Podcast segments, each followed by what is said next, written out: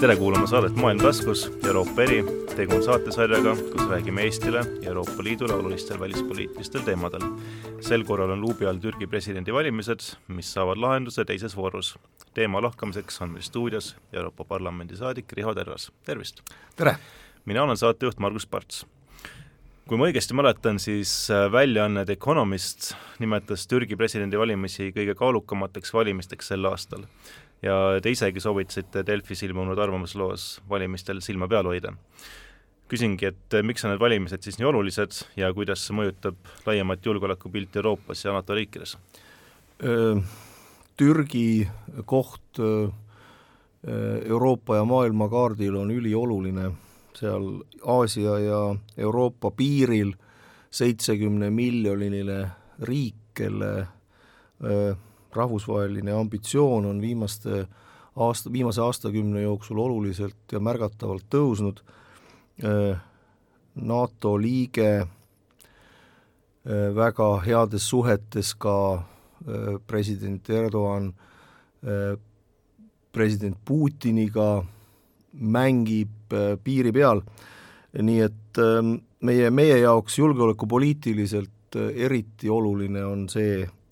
valimine ja, ja selle tulemus. kas me võime prognoosida praegu, et ütleme, kas Erdogani võiduga või siis opositsioonikandidaat Kemal Kilicdaroglu vabandust häälduse pärast, äh, võiduga võib Ankara senine välispoliitika kuidagi muutuda? ma arvan, et ei muutu, ma arvan, et isegi kui mingi ime läbi Kulutštorolu peaks äh, selle valimise võitma, mida ma pigem ei usu, äh, jääks see poliitika sarnaseks, kindlasti mitte samasuguseks, Kulutštorolu on, on selgelt väljendanud oma, oma soovi tihendada sidemeid Euroopaga, rohkem NATO-ga integreeritust ja nii edasi, aga, aga ma ei usu, et see nüüd märgatavalt muutub, oluline on muidugi aru saada, et et tegemist ei ole väga monoliitse seltskonnaga Kulustarolu selja taga, seal on, on kuus erinevat parteid, seda liitu kutsutakse äh, rahvuslikuks alliansiks ja, ja, ja need äh, on vastakad, vastakad äh, parteid selles, selles ühenduses, nii et see ei ole väga stabiilne.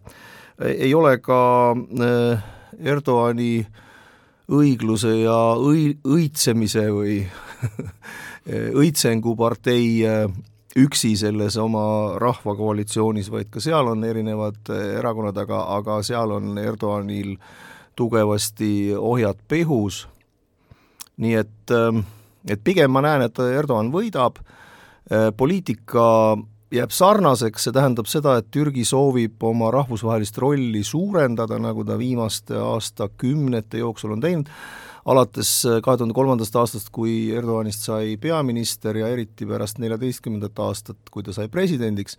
on olnud selge poliitika äh, Türgil äh, vabaneda nii-öelda Ameerika Ühendriikide mõju alt ja muutuda ise äh, arvestatavaks mängijaks äh, regioonis äh, ja seda, seda ta on ka saavutanud. et ma arvan, et üks väga oluline aspekt selles, miks ta seda saavutanud, on see, et Türgi oli aastakümneid väga otseselt sõltuv Euroopa riikide ja eriti Ameerika Ühendriikide relvastusest ja relvaabist, et Türgis puudus relvatööstus. ja, ja siis, kui ma ma kaks tuhat kümme äh, Kaitseministeeriumi kantslerina käisin seal ühel relvanäitusel, siis äh,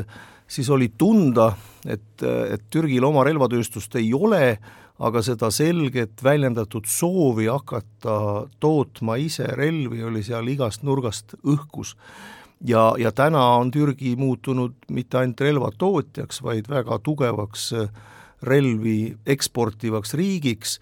vaatame kas või Eesti neli kord nelja või kuus kord kuue riigihanget ja avastame sealt eh, neli kord nelja puhul isegi kõik ainult Türgi ettevõtted, kes omavahel meie meie turul konkureerivad, et sellest me võime öelda, et, et Türgi on, on saavutanud nii-öelda positsiooni sõjalise võime tekitamises, niikuinii Türgi armee on, on Euroopa või ütleme, NATO suuruselt teine armee ja kui nüüd on veel ka täiesti moodne ja kaasaegne ja Türgis toodetud relvastus, sellega loomulikult tema roll märgatavalt tõuseb. aga, aga kaduma on läinud kahjuks väga palju seda Mustafa Kemal türklaste isaks kutsutud Atatürki pärandit, mis nagu Türgit hoidis peaaegu sajandi nii-öelda Euroopa suunal, Euroopa mõtlemises, Euroopa kultuuriruumis, eh, nii-öelda äh, Istanbuli, Istanbuli äh, läänekaldal või idakaldal, aga, vabandust, läänekaldal, aga, aga igal juhul loodame, et et Türgi siiski jääb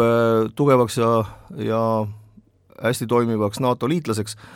aga kindlasti äh, ajab Erdogan edasi väga iseseisvat poliitikat no me praegu räägime võtmes, et justkui Erdogan võidab, no ütleme, et, et ütleme, et ta võidab. aga kui ta jätkab sama poliitikat, me teame, et see ei ole tegelikult Euroopa Liidule ja, ja NATO-le väga, väga mugav äh, partnerlus, sellepärast et noh, nagu te mainisite, et Erdoganil on suhted Putiniga, ta viljeleb suhteid äh, Xi Jinpingiga, Hiina presidendiga, ta viljeleb isiklikke suhteid äh, paljude Kesk-Aasia riikidega niimoodi, et äh, noh, justkui tahaks taastada mingisuguse Türgi mõju seal piirkonnas või, või suurendada Türgi mõju, samal ajal siis esitades läänele tinglikke selliseid nõudmisi, et noh, andke meile seda ja siis me võib-olla teeme midagi Mm. et kas see, seesugune partnerlus, kas te näete, et see võiks kuidagi nüüd muutuda kas siis halvemuse suunas või siis paremuse suunas või jääb see täiesti puutumata? ma arvan, et äh, Türgi on äh, Erdogani juhtimisel äh, soovinud rohkem tagasi muutuda superriigiks, nagu ta seda sajandeid Ottomani impeeriumina oli. Äh,, Äh, tendentsid, mis on Türgis, ei ole minu arust erinevad nendest tendentsidest, mida me näeme ka Euroopas ja Ameerikas, äh, selline rahvusliku omariikluse tunne, äh, Make Turkey great again võiks olla see slogan. Ja, ja, ja seda nad, seda nad püüavad ajada. Üks väga oluline nüanss, mis minu arust suhteid lääneriikidega oluliselt halvendas, oli kahe tuhande kuueteistkümnenda aasta äh, relvastatud äh, sõjaväe ülestõusukatse äh, ajal vähene ütleme, NATO liitlaste tugi võimul olevale presidendile, ehk et Türgi ajaloos on teada ja, ja see kuidagi inertsist tundus ilmselt kõigile õige, et sõjaväelased on hoidnud Türgit äh, rohkem sekulaarse riigi kursil, nii-öelda islamistliku riigi mõttemaailmast eemal, Erdogan tuli, tuli äh, võimule just selle nii-öelda tagasi juurte juurde. Äh,, Türgi elustiili äh,, Türgi äh, islami kesksusega äh, ja, ja, ja see äh, mässukatse, mis äh, äh, noh, ütleme, ebaõnnestus, kuna kuna eelnevalt oli Erdogan juba suutnud nõrgestada neid armee struktuure, pann-, arreteerides palju maaväeohvitsere, ma mäletan seda aega, kui lihtsalt kolleegid kadusid kõrvalt ära, kes nagu, kellega pikalt sai koostööd tehtud, aga just selle kahe tuhande kuueteist, kahe, kahe tuhande kuueteistkümnenda aasta riigipöörde katse korral ei tundnud Erdogan, et, et tema NATO liitlased oleks tema poole peal. ma olen sellest rääkinud oma hea sõbra Hulusi Akariga, kes, kes oli sellel ajal Türgi kaitseväe juhataja, üks erakordselt läänemeelne, avatud, hästi keelt rääkiv kaitseväe juhataja, kes aga seisis selgelt Erdogani taga. kui Erdogan äh, Äh, seda mässu maha surus, äh, kuni selleni välja, et tal oli nii-öelda äh, püstol meele kohal ja teda sunniti nii-öelda tegutsema ja ta keeldus, sellest ta muidugi näitas lojaalsust Erdoganile, täna ta on juba, juba aastaid kaitseminister, kes siis kogu seda Türgi tugevat armeed kontrollib, ehk et see oli üks niisugune märk sellest, et et Erdoğan solvub. Ja ta on inim-, inimlik, väga inimlik, solvub asjade peale. teine Erdoğani väga eriline omadus on see, et ta tahab olla isiklikus suhtes riigi juhtidega, et tal, tema jaoks on see isiklik suhe oluline ja seda me näeme ka tema suhtest Putini või ka Zelenskiga, ehk et ega ta ei ole selgelt defineerinud, Türgi ei ole ka siinkohal selgelt defineerinud, kelle poolt on, eks, müüakse relvi nii eh, nii ukrainlastele kui võib-olla vähem venelastele, aga siiski. ja loomulikult ei ole vähem tähtis ka Türgi väga suur energi-, energiasõltuvus eh, Venemaa eh, energiast, nagu ka seda Euroopas on, Türgi lihtsalt ei ei, ei ole ennast sellest lahti haakinud, ka, ka uus tuumajaam, mis nüüd avatakse või avamisel on, on venelaste tehtud. Ja see kõik paneb Türgit mängima oma mängu ja ja kas me saame seda ühele riigile ette heita, noh eks meie oma vaatevinklist saame, aga kui me paneme ennast Türgi olukorda seal kahe maailma piiri peal, siis siis me pigem, meil oleks pigem oluline mõista, me ei tohi äh, Eesti väikse riigina endale vaenlase juurde teha? kui me vaatame enda vaatevinklist seda äh, Ukraina ja Venemaa vahelise vahendaja küsimust, mida praegu Türgi etendab, siis arvestades just neid isiklikke suhteid Erdogani ja Putini vahel, kas me tegelikult võime öelda, et võib-olla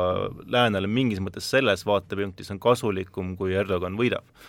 Ehk siis need suhted säilivad, säilib mingisugune lootus, et läbirääkimised jätkuvad ja nii edasi? ega ma ei usu väga seda rolli, et Erdogan su-, su-, suudab äh, konfliktis äh, äh, või ütleme, sõjas Ukraina ja Venemaa vahel mingit vahendaja rolli mängida. küll aga Vilja Leppe Vilja Leppe kohal on ta teatud rolli mänginud, aga ma arvan, ka seal on ÜRO-l kui tervikul suurem roll kui Türgil. loomulikult äh, Äh, üks oluline asi, miks Türgi Euroopale on oluline, on äh, Bosporuse ja Dardanellide kontroll, ehk et see, kes Mustalt merelt äh, maailma pääseb, on väga oluline. Ähm, ja ma ei usu, et see, see ütleme, mõju sellele konfliktile või sellele sõjale Ukrainas väga otsene ei, ei ole, sest et selle sõja võidab ikkagi see eh, kes sõjaliselt teist äh, võimetuks teeb ja surub laua taha. ja, ja praegu on see patiseis väga selgelt nähtav ja, ja Türgi on ka vähem sinna praegu nii-öelda otseselt sekkunud. aga Euroopa jaoks on oluline Türgi ka just, või noh, ütleme NATO jaoks on oluline, Türgis on äh, väga olulised äh, NATO kaitsebaasid, Incirliki lennuväli, raketitõrjeradarid, kõik see on asi, mis meid seob ja, ja kus noh, ei ole ka näha, et Türgi oleks ta-, soovinud ennast sellest lahti lahutada. E, antud kontekstis muidugi kõige olulisem suhe on Ameerika Ühendriikide ja Türgi vaheline nii majanduslik kui e, julgeolekualane koostöö või mõju. seda, see on vähenenud, on tekitanud tüli, Türgi soov vabaneda nii-öelda sõltuvusest äh, kui teie meile raketisüsteeme ei müü, siis me ostame Venemaalt S-400-d, eks ju, vastu, et okei okay,, aga siis sa ei saa ka F-kolmekümne viisi, täna käib väga suur di-, diskussioon teemal, kas Türgile, kas Türgi saab Ameerika Ühendriikides F-kuueteistkümne lennukeid osta, mida on lubatud, aga see on seotud väga selgelt nii-öelda teatud Ameerika Ühendriikide nõudmistega, Türgi majandus on katastroofilises seisus, äh, Erdogan on üritanud majandust äh, nii-öelda aktiveerida. Äh, inflatsiooniga, inflatsioon on olnud megasuur, äh, sellel on veel mitmed teised mõjud, ka maavärinad, kaks tükki, on mõjutanud Türgi majandust katastroofiliselt ja arvati, et see kuidagi mõjutab ka presidendivalimisi mm. -hmm. aga näha on, et see siiski liig palju ei mõjutanud, sest ähm, sest parlamendivalimistel, mis toimusid esimese par-, presidendivalimiste vooruga ühel ajal, äh, säilitas Erdoani plokk nii-öelda üle viiekümneprotsendilise enamuse, mis tähendab isegi, kui Kulutsarolu peaks järgmises võitma, järgmises voorus võitma, mis me ütlesime, et on ebatõenäoline, oleks see ikkagi selline väga äh, halb olukord Türgi poliitikas, kuna siis oleks Erdogani käes äh, parlament ja, ja president peaks äh, siis dekreetidega ja, ja kes teab, millega